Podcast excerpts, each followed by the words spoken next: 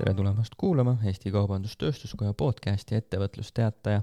minu nimi on Kaur Urgusaar ja Ettevõtlusteataja podcastis räägime iganädalaselt ettevõtjate ja erinevate ekspertidega teemadel, mis on ettevõtjatele tähtsad. tänases saates räägime pereettevõtetest, Pereettevõtjate Liidust ning noorte ettevõtjate suvekoolist, mida korraldavad EBS ja Startup Wiseguys ühise ettevõtmisena. saates on külas Eesti Pereettevõtjate Liidu president Kristel Meos liidu arendus- ja koolitustoimkonna juht Mart Habakukk. head kuulamist! tere, Kristel ja Mart! tere! Kristel, esimene küsimus sulle, et kuidas on pereettevõtjatel praeguses kriisis läinud? kriis kui selline, seda oodati tegelikult mõningaid aastaid omamoodi, aga et ta sellisena tuli, see on üllatav. ehk nagu iga kriis on ikkagi täiesti uus situatsioon pereettevõtjate jaoks kriis on võib-olla veelgi mitmetahulisem kui muude ettevõtete jaoks, sest et osalevad kriisis nii pereliikmed eraisikutena kui ettevõtted siis pereettevõtetena, kas siis läbi omanduse või läbi juhtimistasandite. Õhtusöögi jutud kindlasti pereettevõtjatel käivad nagu kriisi ümber pereettevõtluse võib-olla eripära on äh, see, et äh, hoitakse rohkem ühte, et ega pereettevõtet niisama põhja ei lasta. ja seetõttu see kriis vast on isegi äh, peresid rohkem ühendanud, pereettevõtted omamoodi tugevamaks teinud, sest et otsitakse üheskoos lahendusi, lahendusi, mis võib-olla viivad meid hoopis uuele tasemele võrreldes varasemaga. pereettevõtjate liidus me oleme teinud äh, Äh, selliseid äh, koolitus arendavaid äh, koosolekuid ja me võime järeldada, et pereettevõtjad ei istu käed rüpes. on raske, otsitakse lahendusi, aga tehakse ka nalja. mis sorti nalja tehakse? kõigepealt ikka iseenda üle, võib-olla natuke naabri üle ka. seda on hea kuulda, eluterve huumor on alati vajalik. Mart, sa oled ka EPL-i tegevuste kõrvalt EBS-i kantsler siis on paslik küsida, et kuidas haridusmaastikul on läinud kriisi ajal? ülikooli mõistes äh, kriisi ajal tulekuga tehnoloogiliselt olime valmis, eks, aga selgelt, et äh, sellest tekkis nagu lisakoormus ja, ja täiendavad vajadused muuta just nagu metoodikat, eks, õppetöö sisu ei muutunud või muutus vähem, aga kogu see läbiviitmise kord, et see pani täiendava pinge siis õppejõududele peale, kes olid sellega suurepärast hakkamast, nii, nii maja kui, kui õpilased olid väga positiivselt üllatunud, et kui reedel otsustasime esmaspäevast alates sada protsenti minna online'i, siis esmaspäeval oli sada protsenti online, nädal umbes võttis veel väikeste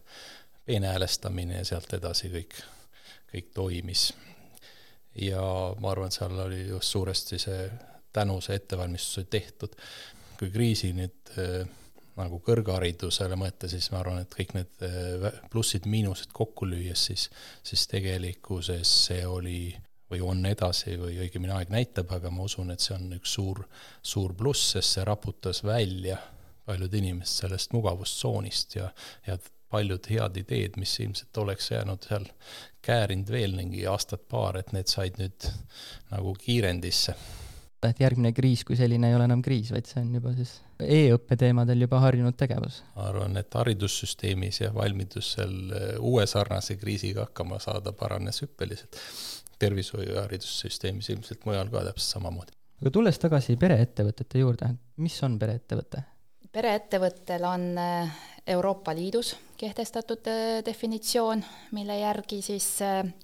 pereettevõte, sõltumata oma suurusest, kas nad on väiksed, keskmised või suured, peavad vastama mõnedele kriteeriumitele. ja kõige tähtsam on see, et ettevõtte otsustusõigused oleksid enamuses pereliikmete käes ehk nagu e-, isik, kes on asutanud või ostnud ettevõtte või tema järglased, neile kuuluks üle viiekümne protsendi omandust ja sellega kaasnevaid otsustusõigusi.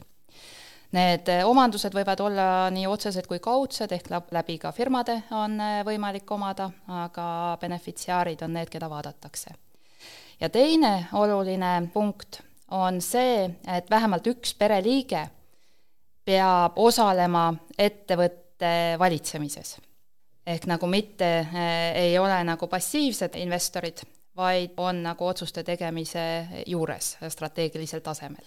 ja kui on tegemist börsiettevõttega, siis loetakse, et vähemalt kakskümmend viis protsenti otsustusõigust peaks olema eh, perekonna käes. ehk siis loetakse börsiettevõtted ka pereettevõtteks. millised on niisugused Eesti head näited pereettevõtetest? Eestis eh, on eh, pereettevõtjaid omajagu. ei ole täpset statistikat kui ma enne Eestist rääkimist võin Euroopast natuke rääkida, siis hinnatakse, et Euroopas on kuskil neliteist miljonit äh, pereettevõtet äh, ja nad annavad viiskümmend protsenti Euroopa sisemajanduse kogutoodangust. ja nad annavad tööd kuuekümnele miljonile äh, inimesele, mis on kuskil pool erasektori töökohtadest Eestis, me, me, me vaatame statistikat, mis on nagu Euroopa tasandil tehtud, statistika näitab, et Eestis on kõige rohkem pereettevõtteid, üheksakümmend protsenti ettevõtetest on Euroopa statistika järgi pereettevõtted.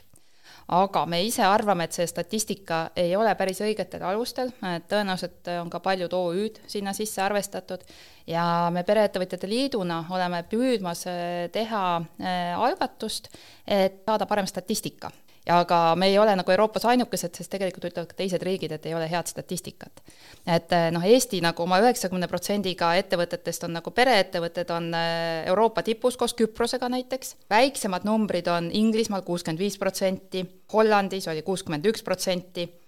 ehk nagu nad on nagu kuskil kuuekümne eh, ja üheksakümne protsendi vahel, kui kogu Euroopa pilti vaadata. Eesti head näited äh, läbi aegade on nagu minu meelest äh, number ühena alati musternäidisena pereettevõtetest välja toodud büroomaailm. mina mäletan seda juba nagu aegade algusest, aga meil on nagu Pereettevõtjate Liidus väga erinevaid näiteid, EBS näiteks, kus on nagu neli põlvkonda juba nagu erinevalt kaasatud, kõige väiksemad küll veel vähesemal määral, aga aga põlvkondasid on nagu juba väga mitmeid. Alexela Balti laevaremonditehas, Ideal, ka Avise, autorent, et äh, väga erinevad sektorid. no Märt kohe naeratas selle peale rõõmsalt, et aga ma tulen selle liidu asutamise juurde, et kuus aastat tagasi liit loodi. kust selline mõte tekkis? Te mõlemad olite ka asutajaliikmed, et. et jah, Kristel oli ilmselt rohkem seal sees, et, et EBS-i poolt või siis Habakukkade pere poolt oli Madis oli selle asutajaliige, et ma ise olin natukene eemal mina arvan, sest et noh, ajalugu nagu ikkagi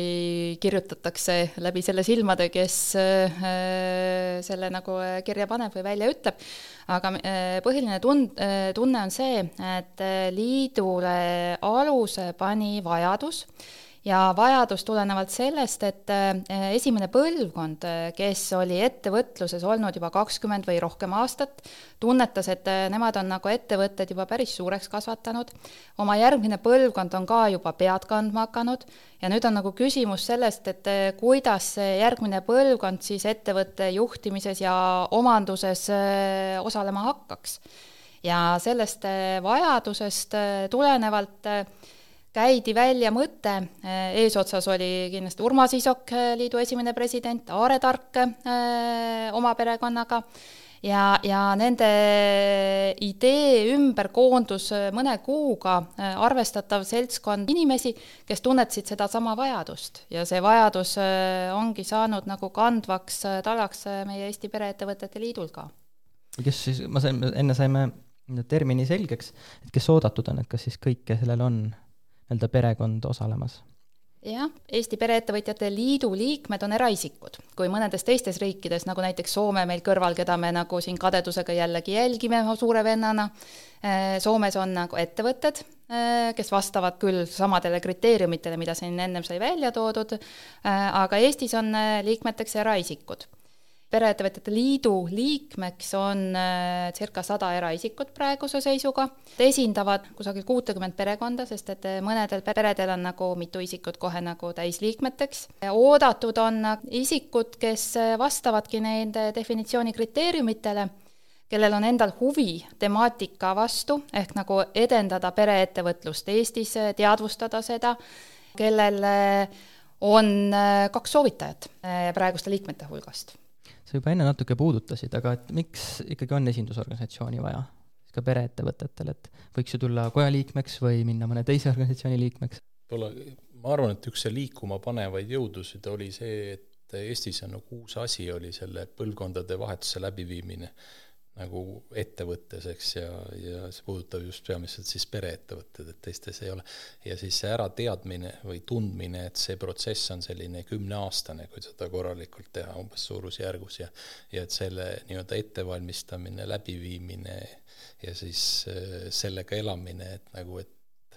ma arvan, et see tekkis nende esimese põlvkonda ettevõtjate kooslusest, kes sedasama asja kõik tunnetasid ja hakkasid sellel teemal siis mõtteid vahetama ja juurde õppima ja ja vaatama, mis mujal maailmas on toimunud ja siis loodi nagu selline liit, mis siis nii-öelda just seda, seda põlvkondade sidumist aitaks, aitaks tugevdada, et see on võib-olla erinev, suurim erinevus Kaubandus-Tööstuskojast, et ta on suuresti nagu sissepoole suunatud, et sellega seostub kohe ka augustis toimuv EBS-i ja Startup Wiseguys ühise ettevõtmisena toimuv suvekool Future Founders. koolitus on väga oluline osa äh, selles pereettevõtluse liidu tegevuses, et et see on nagu Future Founders on nagu tu-, noortele mõeldud, äh, kes siis näeks seda niimoodi ettevõtluse, seda järgmise põlvkonna ütleme, ettevõtlust või seda startup'i kultuuri seestpoolt et see on sageli isad ja vanaisad seda nagu ei oska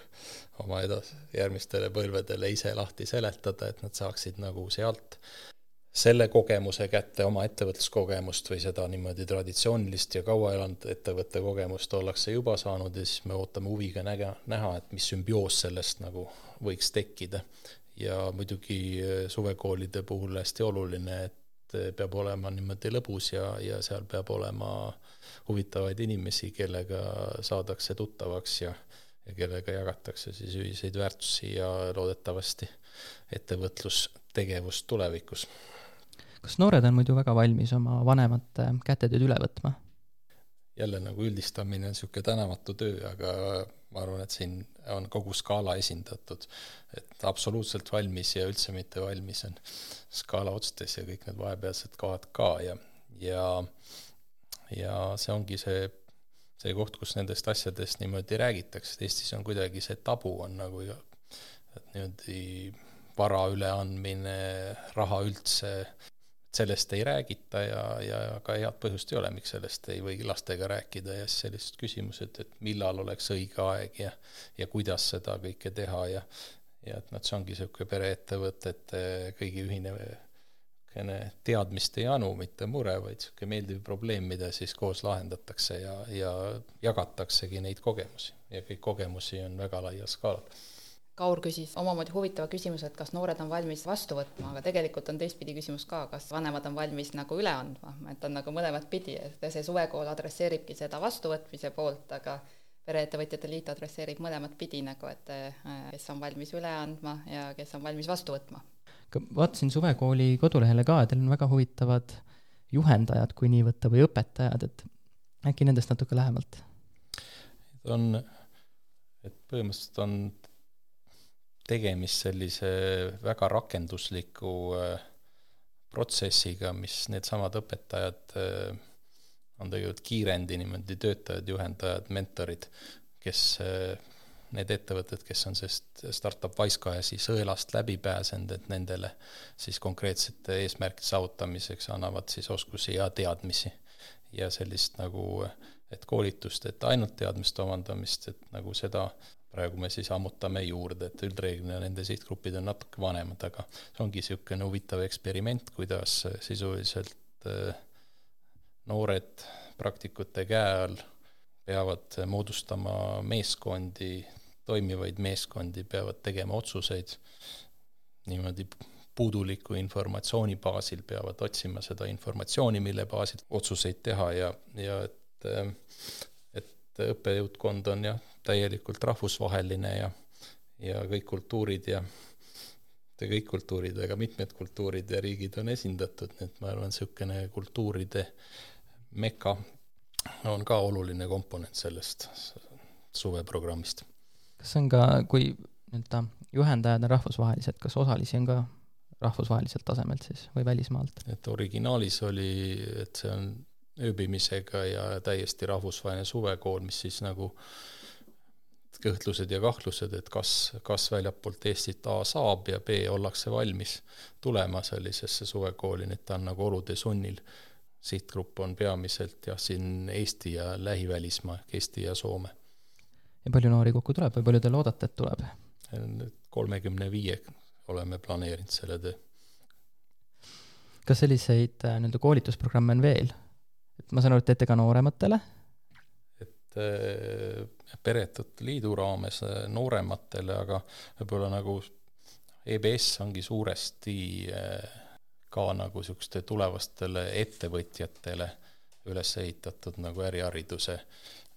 ja, ja tööriistade ja, ja oskuste, oskuste andmise koht ja nüüd on need suuremad muudatused ongi võib-olla selles, et, et kui ta,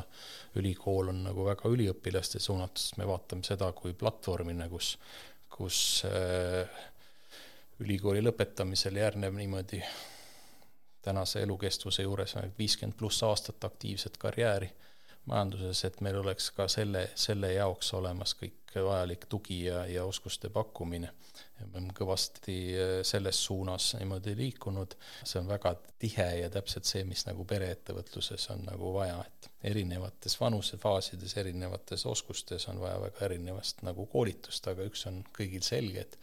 maailm liigub sinna suunas, kus muutusi tuleb järjest kiiremini, järjest suuremaid, järjest rohkem ja, ja vajavad palju rohkem õppimist kui, kui äh, minevikus. Mart, ma selle peale küsin, et kui sina ise hakkasid äh, EBS-i üle võtma või sinna rolli sattusid, et kas sa oleks ise hea meelega käinud sellises programmis või käinud EBS-is siis täiesti äkki? jah, ütleme meie põlvkond pidi kõik niimoodi ise oma vigadest õppima suuresti, sest üheksakümnendatel aastatel äh, oli see peaaegu et ainuke variant ja nüüd on väga palju parem. seda on hea kuulda, et te teete justkui kõigile teistele, eks ju, enda kogemuse pealt. jah, seda saab eksperimenteerida sellises turvalises keskkonnas, aga ikkagi nii-öelda eluliste näidete peal. Kristel, sinu käest ma küsiksin, et sa oled äh, liidu president olnud nüüd natukene üle kolme kuu, et millised on tulevikuplaanid? Jah, märtsi äh, lõpus äh, valiti mind kolmeks aastaks äh, liidu presidendiks, algselt tundus, et nii lihtne plaan oli, siis viirus seda mingil määral on korrigeerinud, aga, aga plaanid on suuresti seotud ikkagi koolitusega, koolitused erinevatele põlvkondadele, koolitusi ka kaasates palju rahvusvahelisi eksperte ja kogemusi et äh, meil oleks pidanud just olema äh, mai lõpus äh, rahvusvaheline Euroopa aastaseminar pereettevõtlusest, kus me plaanisime integreeridagi Eesti aastaseminari, aga selle me teeme tõenäoliselt siis järgmise aasta mais, kuupäevad on mai lõpuks juba välja öeldud jooksvalt äh, tegeleme sellega, et jagame Eesti-siseselt äh, oma perelugusid, me oleme üldiselt neid jaganud üsna konfidentsiaalselt siseringis, sest et kui need lood ei ole veel valmis küpsenud, siis nagu suurele ringile ei olda valmis veel ikkagi kõike nagu rääkima. aga, aga neid häid lugusid järjest ka tekib. Et näidatakse, kuidas on perehardad ehk pere põhikirjad kokku kirjutatud, kuidas on kokku lepitud perevarade Äh, jagamine ja, ja pereärides osalemine,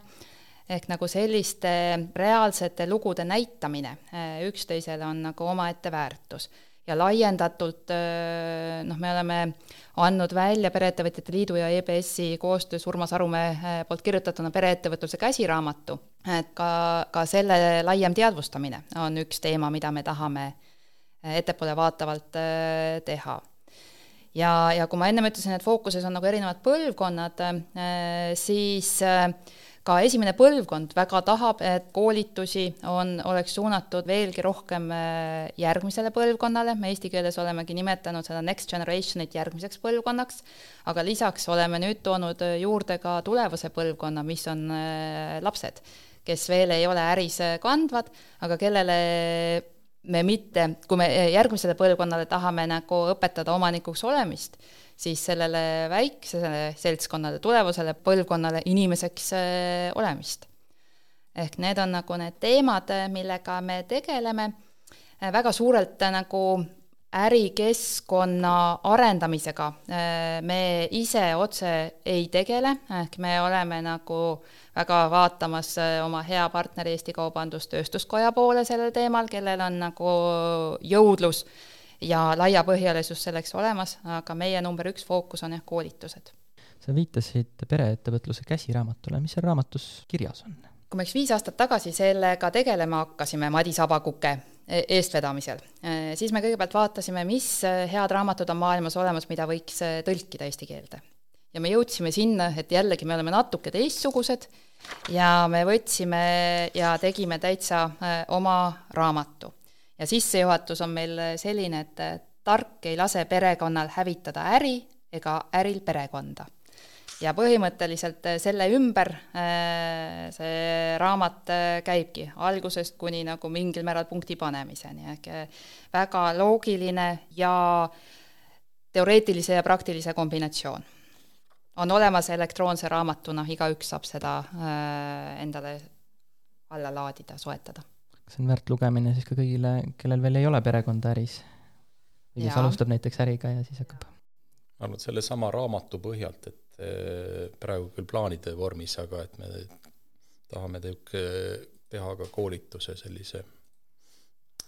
pikemaajalise, ütleme aastase koolituse kord kuus nagu kokkusaamine, kus on nii-öelda esimese ja teise põlvkonna inimestele, et kutsuda kokku, äh, arutada neid teemasid, mis varem või hiljem nagunii ette tulevad. ehk siis seda pereettevõtte niimoodi üleandmist, pereettevõtte liikmelisuse kasvu siis eh, eks laste sünd, abiellumised, lahutused, surmad, eks kõik need nagu eh, muudavad pereettevõtluse dünaamikat hoopis teised, teisiti kui mitte pereettevõteste dünaamikat ja ja just nii, nagu Krista seda sissejuhatust hästi tsiteeris, et et äri ja pere sidumine, et see on äh, suur kunst ja selge, et mõnel põlvkonnal tuleb see parem välja, siis jääb võib-olla põlvkond või kaks vahele, kellel see nii hästi välja ei tule, siis jälle, et noh, et me katsume seda pereetlust kui seda, et kas see nagu, kuidas ja mis tööriistadega on võimalik niimoodi pere ja ettevõtlus säilitada põlvkondade üleselt, statistika küll näitab, et nagu kolmas põlvkond on tavaliselt see, kus nagu väga head ettevõtted ka lõpevad, aga ja just seda, et järjest kasvav kogemus ja teadmised sellest asjast, et nagu võimaldavad seal niisugust, et asi on huvitav, ütleme, üleliia mittekoormav ja, ja väärtust loov, et kuidas seda kõik omavahel niimoodi pere kontekstis kokku panna, et see mitte ainult raamat, aga, aga ehitame siia ka niisuguse klubilise koolituse peale sügisel. kui niimoodi hästi üldistada, et mitmes põlvkond meil Eestis praegu käsil on? Arvutame siis ise, eks, et üheksakümnendate alguses tekkis esimene, kes on saanud nüüd kolmkümmend aastat toimetada, ehk, ehk ehk on jõudnud sellesse itta, ikka, kus kui ei ole juba antud, siis tõsiselt mõeldakse oma pereettevõtte üleandmisele järgmisele põlvkonnale. ja siin on just see koht, et see ei ole selline, et, et kuue kuu või aasta teema, et, et tegelikult, et see asi õnnestuks ja ma arvan, et see nii-öelda esimesele põlvkonnale see eriti oluline, et see õnnestuks, et, et see võtabki eh, aega planeerimist ja ja õnneks ei ole vaja nagu ise kõike seda leiutada, sest maailm on täis pereettevõtted, Eestis küll alles esimene põlvkond annab üle praegu. Õnneks tekib ka peale neid, kes on jälle noored esimese põlvkonna eh, tegijad, nii et ühtpidi on nagu üleandmine, teistpidi tuleb nagu uusi peale ja Pereettevõtjate Liidus me oleme mõelnud ka, et keda me võiksime eelkõige kutsuda nagu uuteks liikmeteks, ongi selline järgmine põlvkond ja, ja läbi selle ehk nagu vanuses kolmkümmend, nelikümmend, viiskümmend kuni, selline suurus, kes ei ole nagu niivõrd korporeerunud praeguseks, kellel ei ole oma välja kujunenud klubid ja kes on rohkem avatud uutele kontaktidele ja ärilistele võimalustele aga kui midagi veel nagu lisada, siis äh, praegu on käimas äh, kaks tuhat kakskümmend ettevõtluskonkurss ja nüüd on juba kolmas aasta, mil sellel ettevõtluskonkursil on kategooria aasta pereettevõtja. näiteks eelmine aasta äh, võitis perekond Tammo selle tiitli, kes on ka Pereettevõtjate Liidu liige läbi mitme ettevõtte ja, ja kutsukski üles pereettevõtjaid, ükskõik, suuri, väikseid, keskmisi, erinevates sektorites, regioonides, mõelge ennast pereettevõtjaks, mitte lihtsalt ettevõtjaks, kui te nagu reaalselt olete pereliikmetega ettevõtluses ja kandideerige. ja tulge uurige EPEL kodulehekülge ja, ja näete ka, mida meie liit võib teile pakkuda aga suur tänu, Kristel ja Mart, ja loodame, et teil läheb ka edaspidi väga hästi ja kõik pereettevõtted saavad ilusti üle antud ja ka vastu võetud. Ja niimoodi mitte siis ainult kuni kolmandani, vaid ikka ka viienda, kuuenda ja kümnendani. aitäh, ma siia lõppu veel lisaks, et see ettevõtte üleandmine ei tähenda, see ei ole üldse selle konkreetse eksisteeriva äri keskne, ei pea olema, et kuna maailm muutub jälle oluliselt kiiremini kui põlvkond varem, ehk siis mida me peaksime sellest õppima, on see, et uued tooted-teenused, suunad, et kõik need, see pereettevõte on see võrgustik, mis lasebki eksperimenteerida, katsetada ja ma arvan, et iga lapsevanem on selle üle väga uhke, kui tema järgmine põlvkond suurema ja parema asja ja see, et ta nüüd täpselt sedasama äri edasi ei vii, et see on, see muutub järjest-järjest vähem oluliseks. et pereettevõtlus, mitte see ettevõte on see, mida me siin arutame, et kuidas seda üle anda, kuidas seda kultuuri, väärtusi ja luua see võrgustik, mille pealt need eh, noored saavad eksperimenteerida ja, ja oma, oma asja niimoodi arendada ja kui sellel on eksisteeriva asjaga tugevad sünergiad, siis ainult pluss. aga isegi kui seal ei ole, on ikkagi väga hea. see on kindlasti ka üks oskus, mida tuleb edasi anda, et ka praegune aeg on nii-öelda väljakutseid täis, et ettevõte peab ju elama edasi või siis ettevõtlus peab edasi elama just, et need äh, mõisted nagu emotsionaalne intelligentsus ja niisugused pehmed oskused muutuvad järjest-järjest olulisemaks ja õppimisvõime ja, ja õppimisoskus. ja seda kõike saab siis teie juurest, koos perekonnaga? pere seest väga palju õppida ja, ja saab meie juurest ka muidugi, jah. selge, aga suur aitäh teile! aitäh!